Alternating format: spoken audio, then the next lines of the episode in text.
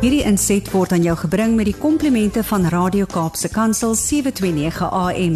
Besoek ons gerus by www.cape pulpit.co.za. Goeiemôre Almarie. Good morning Brad en goeie goeie dag sê aan jy wat saam luister. Dis lekker om vanoggend net weer 'n keer 'n bietjie vir 'n oomblik stil te staan en rondom ons te kyk.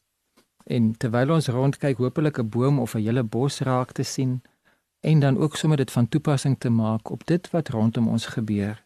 Dit wat in jou lewe gebeur, maar dit ook wat in die samelewing gebeur. En hier in hierdie seisoen van die jaar uh, kan mens nie maklik oor dinge in die algemene samelewing praat sonder om te besef 'n groot boom het in die bos geval nie. 'n Groot boom het in die bos geval. En as ek daai stelling sou maak, sal baie baie van ons, 'n groot persentasie van van van julle wat nou hierdie stelling gehoor het, sal dink aan the Queen of England, die koningin Elisabeth II, uh, wat op 8 September oorlede is na 96 jare hier op aarde, waarvan sy meer as 70 jaar geregeer het as die hoof uh, van die Britse Commonwealth as hoof van die land uh, as die monarg wat in beheer was van soveel tradisie en soveel invloed en soveel pragt en praal. Ek dink dit is 15 eerste ministers vanaf Winston Churchill regdeur tot Liz Truss wat uh, voor haar kom staan het en so bietjie met 'n 'n broek wat bewe kom toestemming vra of hulle dan 'n regering mag saamstel. En uh, sy was konstant gewees vir 70 jaar. Maar maak nie saak hoe konstant jy is nie, maak nie saak dat jy maklik amp, amper amper bykans 'n eeu oud word nie. Op 'n stadium dan kom jou lewe tot 'n einde.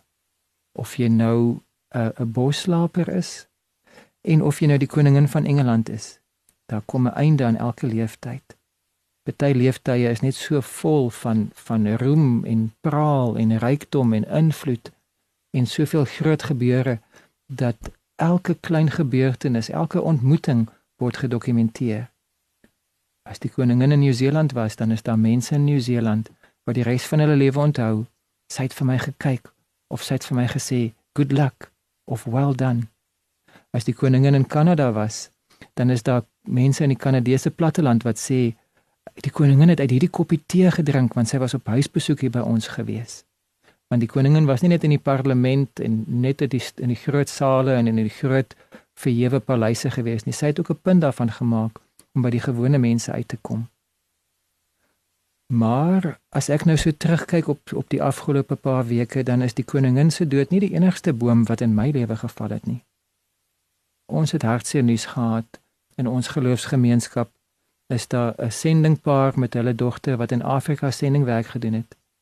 En die ek gaan nie hulle name noem nie uit respek vir hulle vir hulle privaatheid maar hierdie kosbare sendelinge uh sy was 'n vriendin sy was 'n suster in die Here en ons het uh, vir maande aan een weekliks in die oggende saamgebid en dan het sy altyd 'n lied ingesit met so 'n helder klokhelder stem noodvas. Mens kon so lekker saam met haar sing totdat hulle uiteindelik hulle visums en dinge kon kry om Afrika toe te gaan Sy was 'n fraksie jonger as ek, onlangs 50 geword.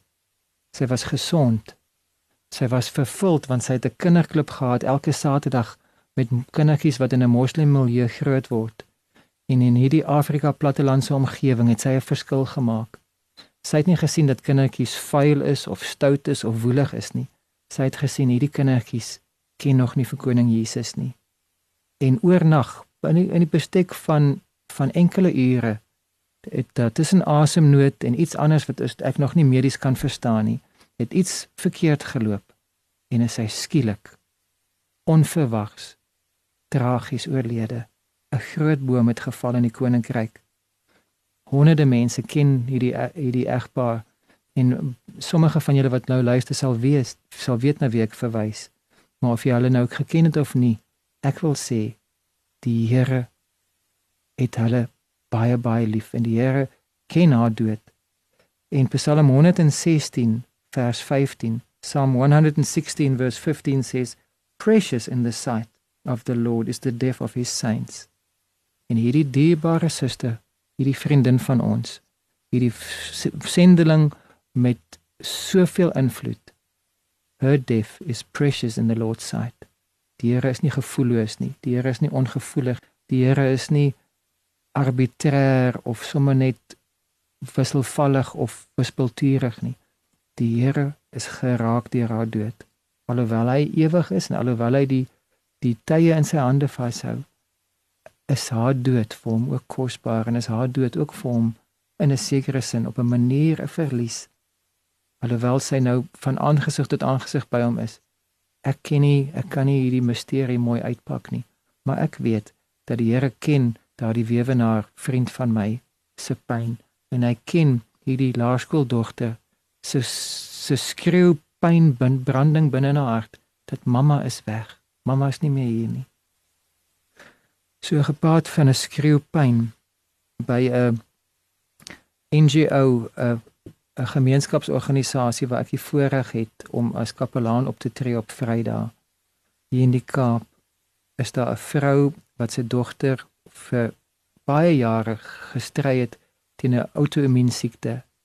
En Olonati die dogtertjie was ek dink om en by 12 en dit het op 'n stadium sleg gegaan met haar. Hulle was bekommerd oor haar gewees en Tygerberg Hospitaal se knap mediese personeel het wonderlike voorskrifte en behandeling kon doen. En daar was keuses wat uh, Olonati se ma gemaak het dat die ouma en die ouma grootjie moet betrokke wees Daarom is Olenati Ooskaap toe om daarso aan te sterk. En ongelukkig in die Ooskaapse platteland het hulle nie dieselfde kundigheid en dieselfde toerusting en dieselfde vinnige reaksietyd soos wat hulle hierso eh, in Tygerberg Hospitaal het nie. En ook iets onverklaarbaars, iets medies onbegrypliks het verkeerd geloop en Olenati is oorlede. 'n Dogtertjie wat op die vooraand gestaan het van haar tienerjare op wat op die voorhand gestaan het van 'n groot word dat sy uh, op 'n stadium 'n makotti sou wees, 'n jong getroude bruid, dat sy op 'n stadium 'n uh, 'n ma sou word en, en dan in dekades om te kom dat sy ook 'n ouma sou word. Al dit is weggevat en Olenati se lewe het tot 'n einde gekom. 'n Ander vriend van my wat ook by hierdie organisasie werk, ek sal hom Wandile noem, dit is nie sy regte naam nie. Sy eersgeborene seentjie is na 2 dae dood. Hy het skaars 48 uur hier op aarde gelewe. In ons gesin ken ons die pyn van miskrame en en ook van 'n miskraam wat nie eers in die eerste trimester plaasvind nie. Maar ek ken ook in my lewensloop die pyn van 'n voltermyn swangerskap. Toe my ma in die laat 70e jare uh, na my wat 'n eersgeborene is en na my broer wat 3 jaar na my gebore is, weer swanger was en na 40 weke van voltermyn swangerskap uh met enkele dae nog om te gaan voor die verwagte geboortedatum. Sy beleef daar's nie meer 'n roering aan haar binnekant nie. En die Duitse dokters knap soos wat hulle was, het in daai jare nog nie so na gehad nie. Daar was nog nie ultrasound nie. En hulle kon maar net met 'n stetoskoop bepaal en sê Frau Nagel, das Kind ist tot. Die kind is dood. En hulle moes indiseer en Konrad Nagel het nie eers 'n enkele uur uit die van daglig gesien nie. Hy is dood nog voor geboorte. So hier het ek nou geraak aan 'n boom wat 96 jaar gestaan het, Queen Elizabeth II. Ek het my vriendin wat 50 jaar 'n boom was wat baie vrug gedra het, wat lieflike koelte gegooi het reg oor Afrika.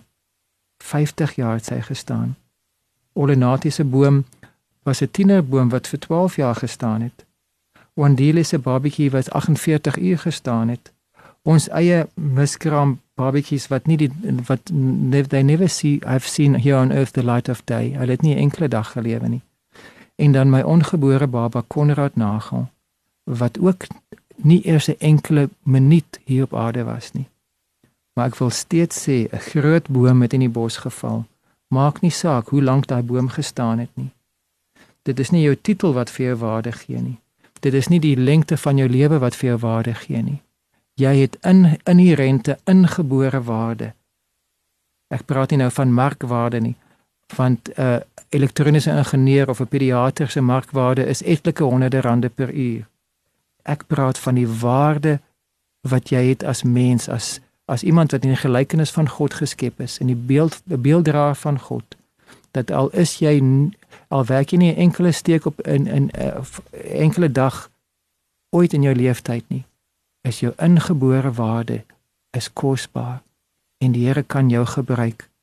Ek glo die Here die koningin gebruik in haar 70 jaar van regering want sy het dit gedoen vir haar koning.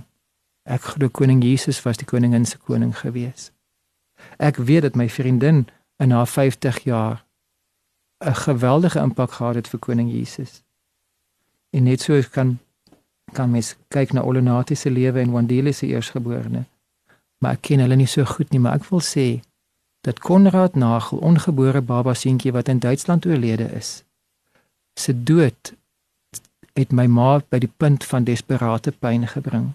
En sy as 'n doodgoeie vrou was goed dood in terme van geestelike lewe. Kersfees en Paasfees was hulle in die kerk.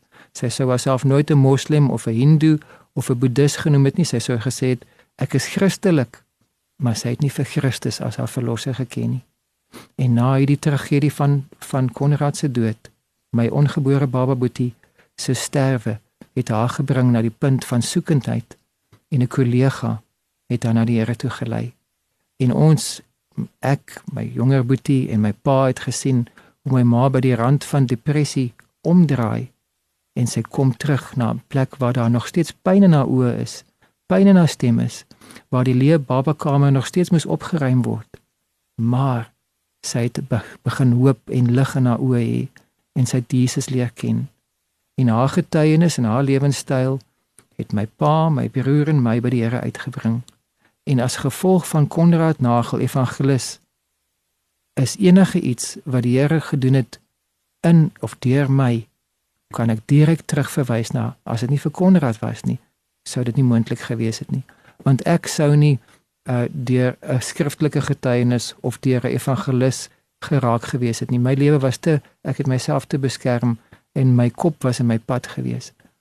Maar die Here het my ma se veranderde lewe, die feit dat sy gedraai het, die feit dat daar van donker despair na lig ek 'n mens kan nie stryd teen iemand wie, wie se lewe jy so goed kan raak sien soos jou eie ma se lewe nie.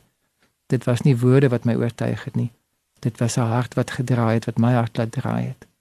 Koning Jesus het my ma se lewe gered en daardeur my lewe gered en daardeur het Konrad 'n geweldige verskil gehad. So ek wil sê moenie dink dat jy moet eers 'n titel hê of lank lewe voordat jou lewe impak kan hê nie. As die Here 'n ongebore kind kan gebruik, hoeveel te meer kan hy nie vandag vir jou gebruik nie. Kom, ons gebruik elke kans om te lewe Ons weet nie wanneer ons gaan sterwe nie.